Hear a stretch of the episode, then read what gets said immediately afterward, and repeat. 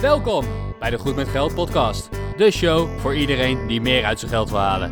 Of je nu als millennial eerder wil stoppen met werken of gewoon graag je financiën op orde wil hebben, hier ben je aan het juiste adres, want hier ben je goed met geld.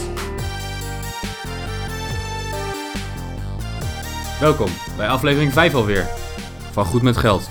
Ik ben Bas van firetheboss.eu. En ik ben Arjan van Stoppen voor mijn vijftigste. Samen maken we deze podcast om financiële onafhankelijkheid in Nederland op de kaart te zetten.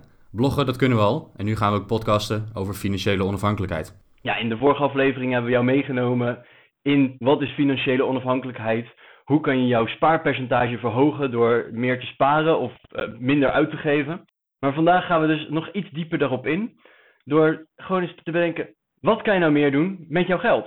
Ja, je kan natuurlijk een hoop doen. Je hebt, een, uh, je hebt geld gespaard, je houdt geld over van je maandelijkse inkomen en daar kan je een hoop mee doen. Je kan het natuurlijk in een oude sok stoppen, maar ik weet het niet. Uh, dieven die vinden dat wel leuk en je hebt er zelf denk ik niet zo heel veel aan. Daarnaast kun je natuurlijk je spaargeld op de bank zetten. Dat kan in een vrij opneembare rekening zijn. Dat kan je ook in een deposito spaarrekening doen, waarbij je geld een langere tijd vastzet om een iets hogere rente te kunnen krijgen. Maar je kan natuurlijk ook gaan kijken naar de iets risicovollere manieren van je geld aan het werk zetten. Denk aan het investeren op de beurs, in crowdfunding, in vastgoed.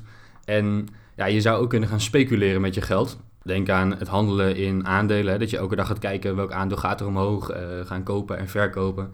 Dat kan ook met cryptocurrencies. En ja, je kunt natuurlijk ook naar het casino gaan met je geld. Alles brood. En ja, dan maar hopen dat het lukt. Ja, nou laten we in ieder geval even beginnen met het minst risicovolle. Of tenminste, gewoon handje contantje, lekker cash. Um, ja, die oude sok, dat is wel een beetje van vroeger. Hè? Je kreeg je salaris wekelijks uitbetaald in een bruin envelopje. En dat werd uiteindelijk onder het matras in een oude sok gestopt dat is niet meer van deze tijd. Dat, dat doen we eigenlijk niet meer. En dat wordt juist als een van de meer risicovollere uh, zaken gezien. Want simpelweg, het kan gestolen worden. En als het eenmaal gestolen wordt, dan is het ook niet verzekerd. Dus eigenlijk willen we dat cashgeld gewoon lekker op de bank hebben. En, en het stoppen naar een spaarrekening. Ja, een spaarrekening, dat, dat is al een stuk veiliger. Er is een depositogarantiestelsel in Nederland. Dus als de bank eenmaal failliet gaat, is jouw geld ook gedekt tot een bedrag van 100.000 euro bij die bank.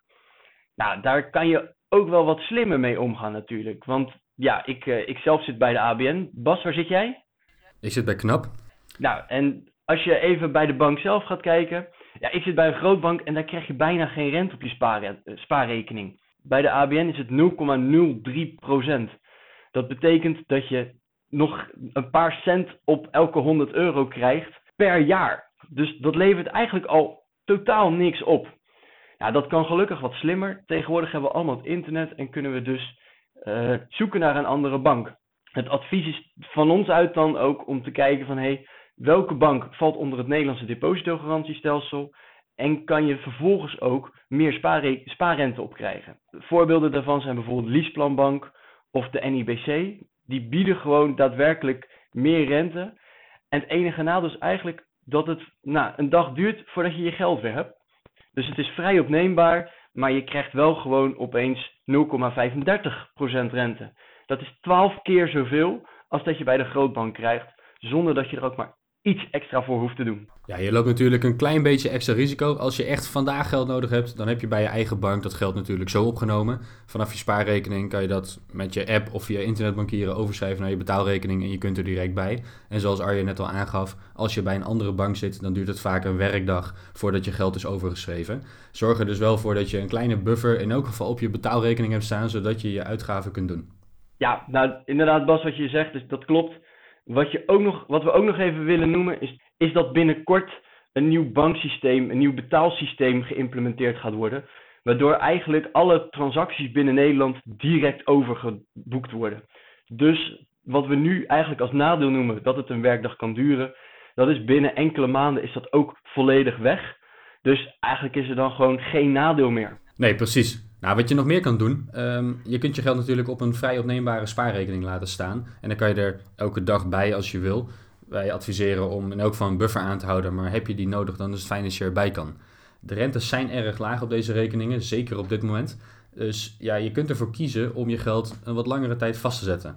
Banken vinden het prettig om kapitaal aan te trekken, omdat zij dat weer kunnen uitlenen aan hun andere klanten. Denk als jij een hypotheek nodig hebt of een zakelijke lening, noem het maar op. Daar hebben ze geld voor nodig.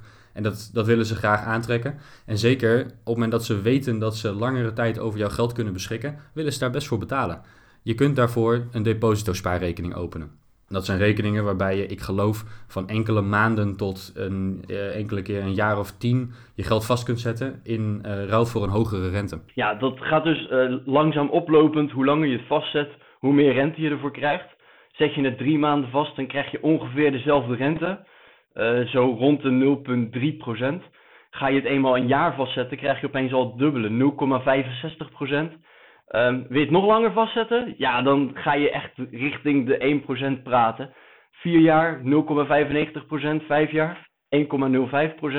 In die 5 jaar is de kans dat de rente verder stijgt natuurlijk enorm groot. En dan heb je opeens dat je niet meer bij je geld kan. 5 jaar lang tegen een heel laag rentepercentage. Dus zet het niet opeens zomaar 5 jaar vast, omdat je dan veel rente krijgt. Nee, let op, dit is natuurlijk geen financieel advies. In jouw situatie kunnen zaken anders zijn, maar wij zouden inderdaad zelf niet gauw op dit moment ons geld voor zo'n lange tijd vastzetten. De rente is simpelweg veel te laag en de kans dat de rente nog lager wordt, ja, die is, die is niet heel. Ik denk zelfs dat de rentes wat zullen gaan stijgen in de komende jaren.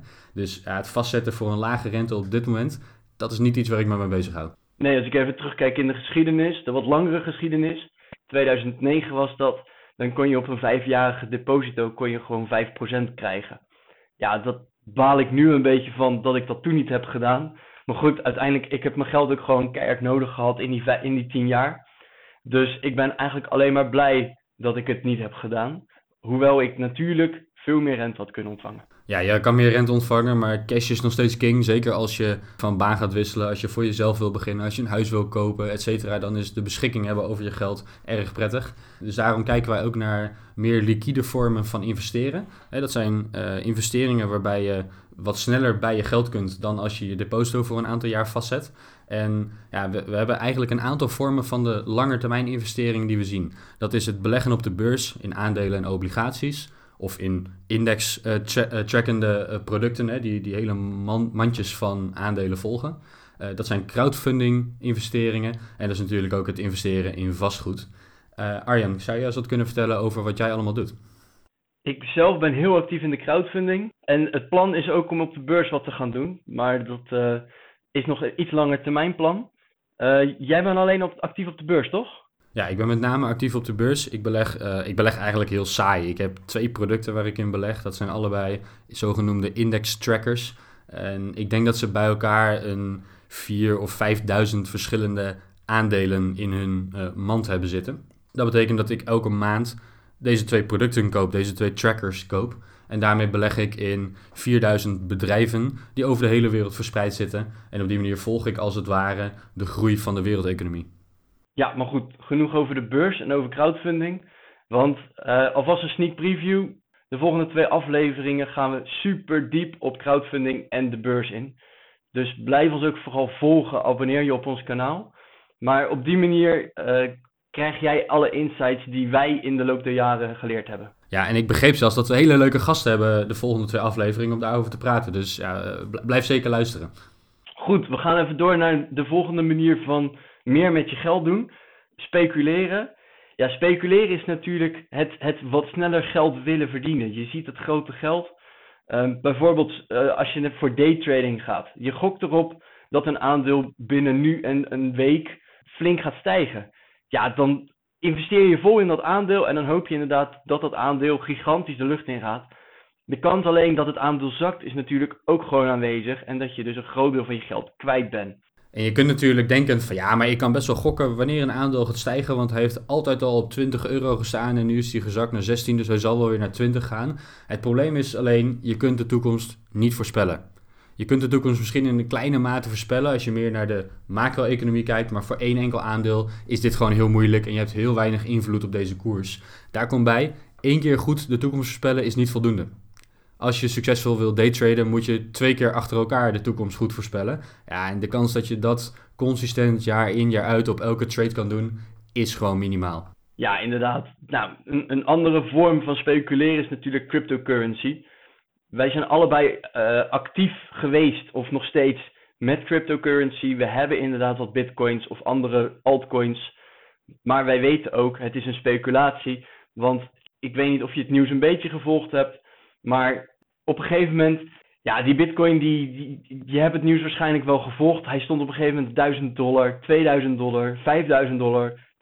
12.000 dollar en hij heeft zelfs op de hoogtepunt rond de 20.000 dollar gestaan. Op dit moment is hij vele, vele procenten minder waard. Hij, hij schommelt een beetje rond de 4.000 dollar, geloof ik. Bas? Ik heb geen idee waar die nu precies op zit, maar ik, kan me ja, ik denk dat die rond de 4000 zit. Ik heb inderdaad een, eh, een, een, een leuke portefeuille met wat cryptovaluta. Daar handel ik af en toe in en dat zie ik meer als een spelletje naast mijn langetermijn investeringen. En dat is een tijdje best wel winstgevend geweest, maar ja, je bent toch gevoelig voor de waarde van de munt. En die is op dit moment gewoon niet zo heel goed. Dat betekent dat ik er niet zo heel veel waarde meer aan hecht op dit moment. Ik hou mijn portefeuille aan, af en toe ja, doe ik eens een kleine trade. Maar inderdaad, op dit moment, we zijn van 20.000 naar 4.000 dollar teruggezakt.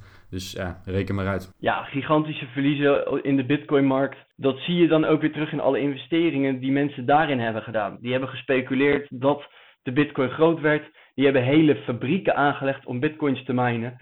En ondertussen moeten ze gigantisch daar ook weer op af gaan schrijven, omdat het gewoon het niet meer waard is. Het levert het niet meer op. De investering was gewoon veel groter dan dat het oplevert. Ja, en het probleem hierin is natuurlijk de timing. Hè? Op het moment dat je ziet dat die bitcoin van 5000 naar 10.000 gaat uh, en je denkt, oké, hey, daar wil ik een graantje van meepikken. Nou, tegen de tijd dat je een account hebt aangemaakt, dat je geld hebt overgeschreven, et cetera, staat hij niet meer op 10.000, maar op 12.000.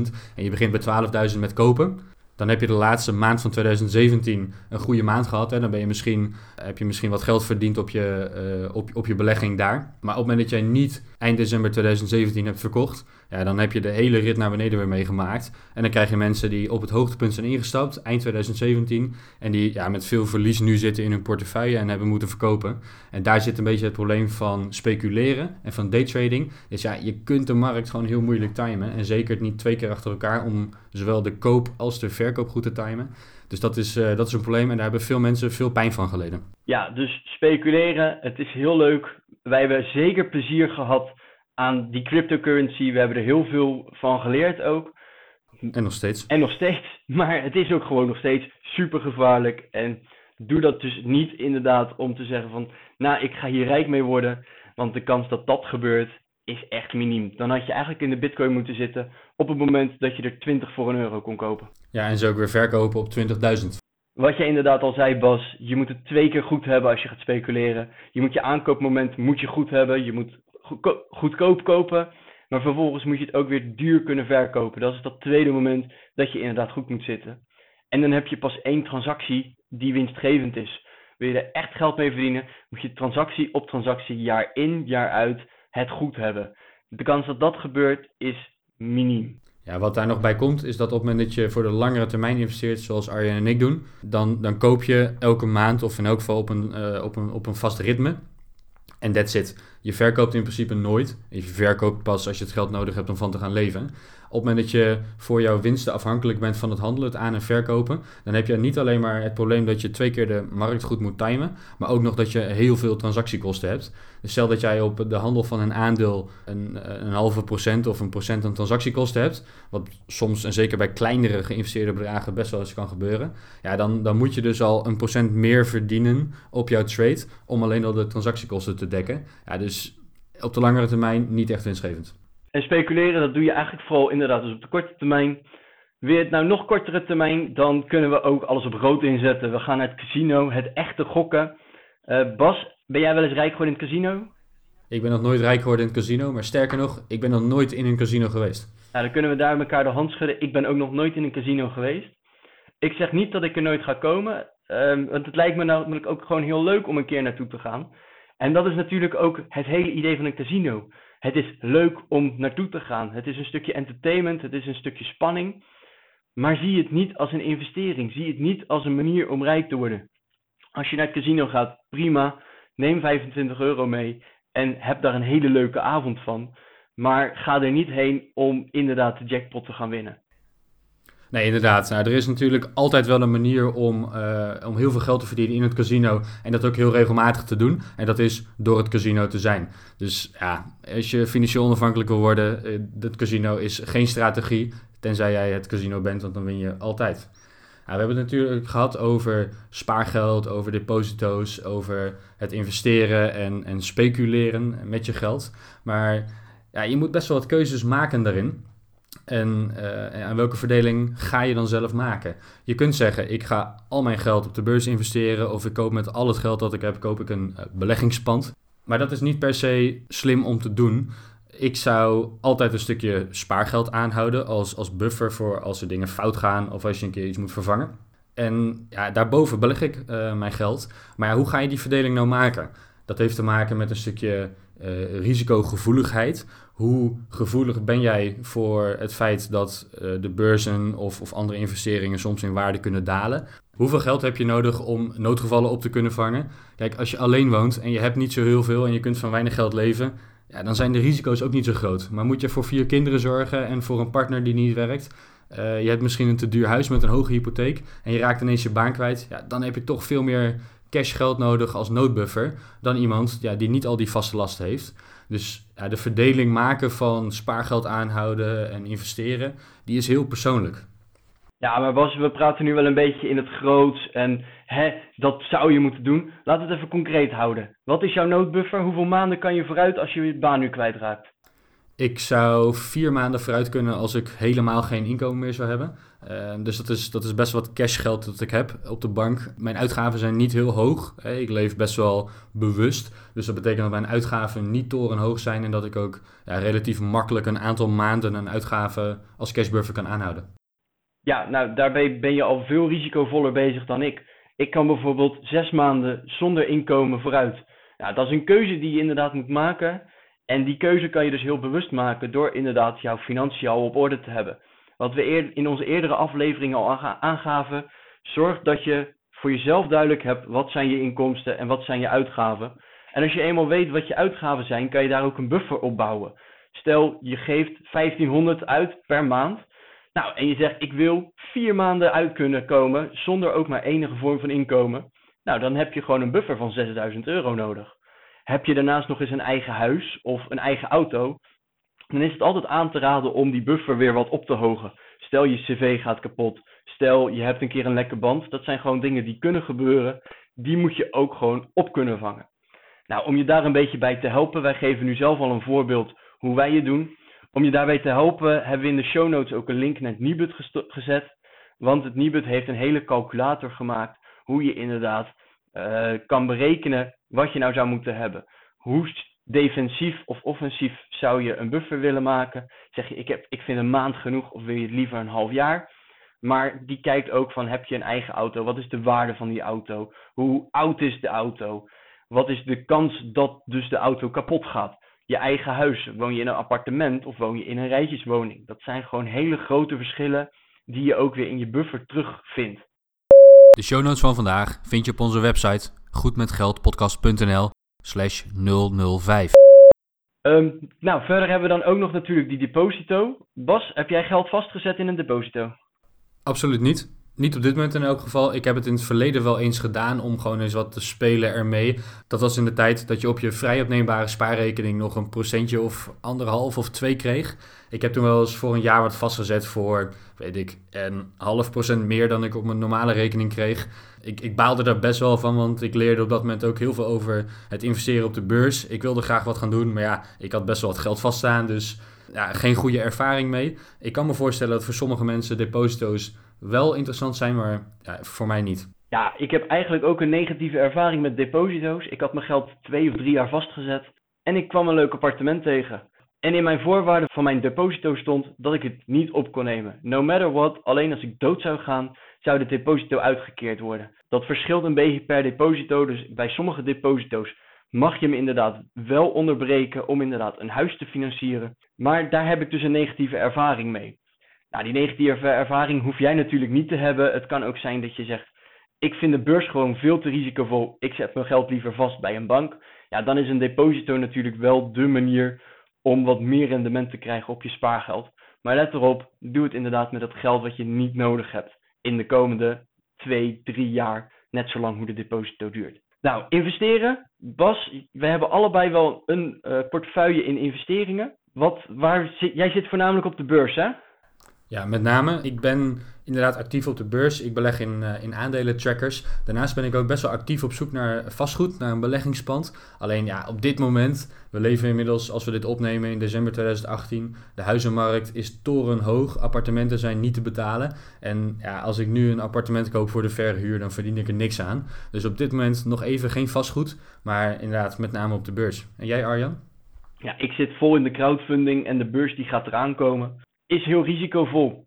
Dat weten wij ook, dus daarom hebben wij ook voor onszelf gezegd: we hebben gewoon al een buffer op onze spaarrekening. We kunnen een aantal maanden vooruit, mocht het slecht gaan, mochten we ziek, mochten we ziek worden of mochten we onze baan kwijtraken, dan kunnen we echt nog even door. Nee, je hebt het over risicovol. Ik ben het daar niet helemaal mee eens. Ja, beleggen op de beurs is heel risicovol als je volgend jaar geld nodig hebt om een huis te kopen of om te stoppen met werken.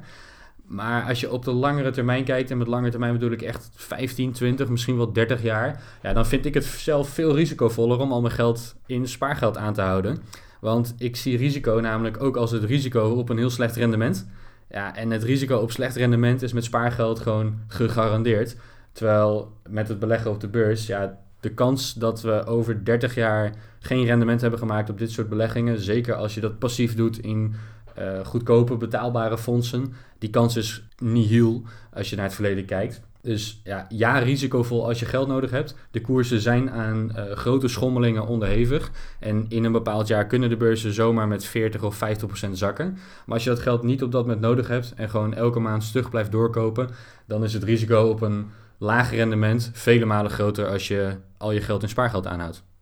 Dat is hoe ik hem zie in elk geval. Ja, nou, ik denk inderdaad dat we op dit moment genoeg al over crowdfunding en de beurs hebben genoemd. Juist omdat we in de komende twee afleveringen er heel diep op ingaan. Met twee echt super toffe gasten die uh, er super veel over kunnen vertellen. Dus ik denk dat dit een hele goede sneak preview is voor de komende twee afleveringen die hier natuurlijk gepubliceerd gaan worden. Dan hebben we nog de laatste twee.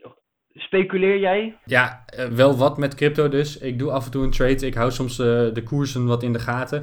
En uh, juist omdat cryptovaluta best wel in koersen schommelen, probeer ik wat van die swing, zoals ze dat noemen, mee te pakken. Maar nogmaals, dat zijn, dat zijn echt kleine bedragen en meer voor de lol dan om daar veel geld mee te verdienen. En jij? Ik heb inderdaad ook simpelweg voor de lol ooit een keer wat bitcoin gekocht. Ik heb er, ik geloof, 16 euro in gestopt. Gewoon om eens te kijken wat het doet en hoe ik me erbij voel. Ik vond het heel leuk. Op een gegeven moment was het meer dan 100 euro waard. Ondertussen zit ik weer ergens rond de twee tientjes. Maar ik ga er sowieso niet rijk van worden, want het, het schommelt te veel. Je moet er te veel tijd in gaan stoppen. Het is echt speculeren, want je moet altijd op het goede moment kopen en verkopen. En nou, zoals wij eerder al aangaven, gokken doen we allebei niet. Dus ik denk dat je hiermee wel een goed beeld krijgt van ons dat wij inderdaad gewoon een goede buffer aanhouden om inderdaad een paar maanden door te kunnen. Vervolgens gaan we investeren, we zetten het geld vast, maar zorgen wel dat we erbij kunnen. Dat is heel belangrijk, dat je uiteindelijk wel weet van hé, hey, als ik geld nodig heb, dan kan ik er daadwerkelijk ook bij. Inderdaad. Wij zijn goed met geld en er zijn twee manieren waarop je ons kunt helpen. Volg ons op iTunes, want dan laat je de provider zien dat je onze podcast leuk vindt en dan word je op de hoogte gehouden als de volgende aflevering uitkomt.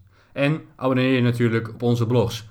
Arjan vind je bij stoppenvoormijn50ste.nl en mijn blog is firetheboss.eu. Dat is ontsla baas, maar dan in het Engels.eu. Blijf ons volgen en word ook goed met geld. Tot volgende week.